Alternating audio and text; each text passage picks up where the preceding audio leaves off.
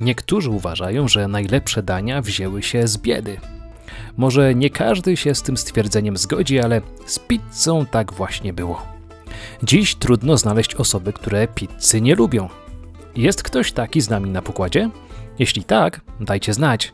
Wszystkich, którzy to jakże doskonałe w swojej prostocie danie uwielbiają i tych, którzy za nim nie przepadają, zapraszam do wysłuchania odcinka Skąd się wzięła pizza. Słuchajcie bowiem podcastu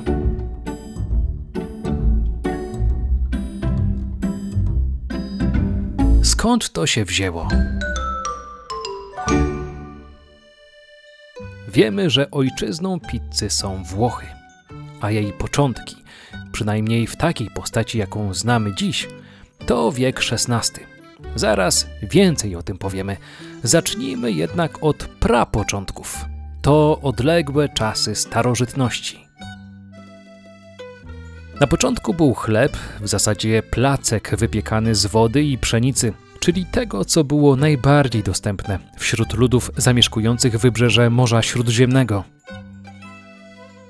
Na takie proste placki można było kłaść różne dodatki, również proste, na przykład oliwę czy zioła. Tak robili Grecy, Egipcjanie. Żołnierze perskiego króla Dariusza piekli je podobno na swoich tarczach. Etruskowie, których kultura stanowiła kolebkę kultury rzymskiej, a później włoskiej, zaczęli wypiekać focaccię, która stała się z czasem podstawą pizzy. Z tą jednak różnicą, że placek pizzy wypieka się krócej, przez co jest mniej puszysty. Zresztą różnych rodzajów placków, na które kładzie się dostępne w danej szerokości geograficznej składniki, znamy i dziś bardzo wiele. Turecka pide, ciasto z dodatkiem jogurtu, podawane często z mięsem mielonym. Katalońska koka, na którą można kłaść wiele składników, ale nie ser. Albo grecka ladenia z dodatkiem pomidorów, cebuli, a także ziół. Znacie jeszcze jakieś przykłady z innych krajów? Tak jak wspomnieliśmy o początkach pizzy, którą znamy dziś, możemy mówić dopiero od XVI wieku, kiedy do Europy po odkryciu Ameryki przywieziono pomidory. Z początku były to rośliny ozdobne, podobno uważane nawet za trujące, ale biedni mieszkańcy Neapolu zaczęli w końcu z nich korzystać do celów kulinarnych. I tak w końcu pomidory wylądowały na pizzy. Samo słowo pizza podobne jest do greckiego pita. Mogłoby się to zgadzać, bowiem to Grecy zakładali Neapol, a więc miasto będące ojczyzną pizzy. Ale jej źródło słów to raczej pizzea. Tak w Rzymie nazywano pieczony placek z dodatkiem ziół. Niemal każda restauracja serwująca pizzę w swoim menu jako pierwszą pozycję podaje margheritę. Wydawać by się więc mogło, że margherita to podstawowa odmiana pizzy. Ale nie jest tak do końca. Najpierw przyrządzano pizzę marinara. Nazwa wzięła się stąd, że spożywali ją chętnie neapolitańscy rybacy. Była dość poręcznym daniem, które łatwo można było zabrać ze sobą na połów. Z jakich składników przyrządza się marinarę? Są bardzo proste. Na placku lądują pomidory oraz czosnek. Przyprawia się ją także oliwą, bazylią oraz oregano. Niekwestionowaną kolebką pizzy jest Neapol, tam też powstał przepis na najbardziej popularną pizzę margheritę. Ale to już był przełom XIX i XX wieku.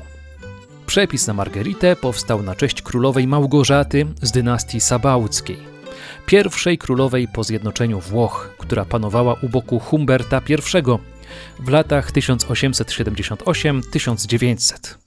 Małgorzata była wrażliwa na losy swoich poddanych, zaangażowana m.in. w aktywną działalność charytatywną, przez lud była kochana za swą dobroć i pobożność.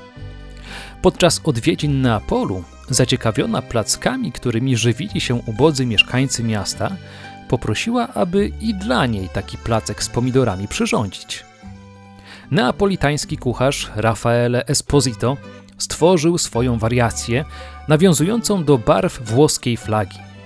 Składniki pizzy były następujące: bazylia, zieleń, mozzarella, czyli biel i pomidory, czerwień. Małgorzacie bardzo przypadła do gustu, a kucharz na jej cześć nazwał ją Margeritą. I tak do dziś możemy cieszyć się smakiem znakomitej w swojej prostocie pizzą margherita. Marinara i margherita. Według ortodoksyjnych neapolitańczyków tylko te dwie zasługują na miano prawdziwej pizzy. Co innego Amerykanie. Na Nowy Ląd pizza trafiła wraz z neapolitańskimi emigrantami. Amerykanie pokochali pizzę i poszaleli z dodatkami, w tym ze znienawidzonym przez Włochów ananasem.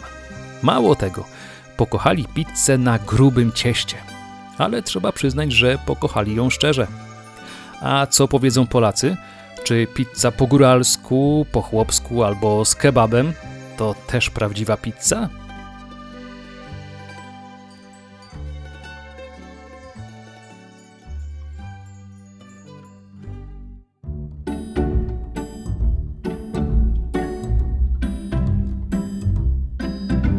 Skąd to się wzięło?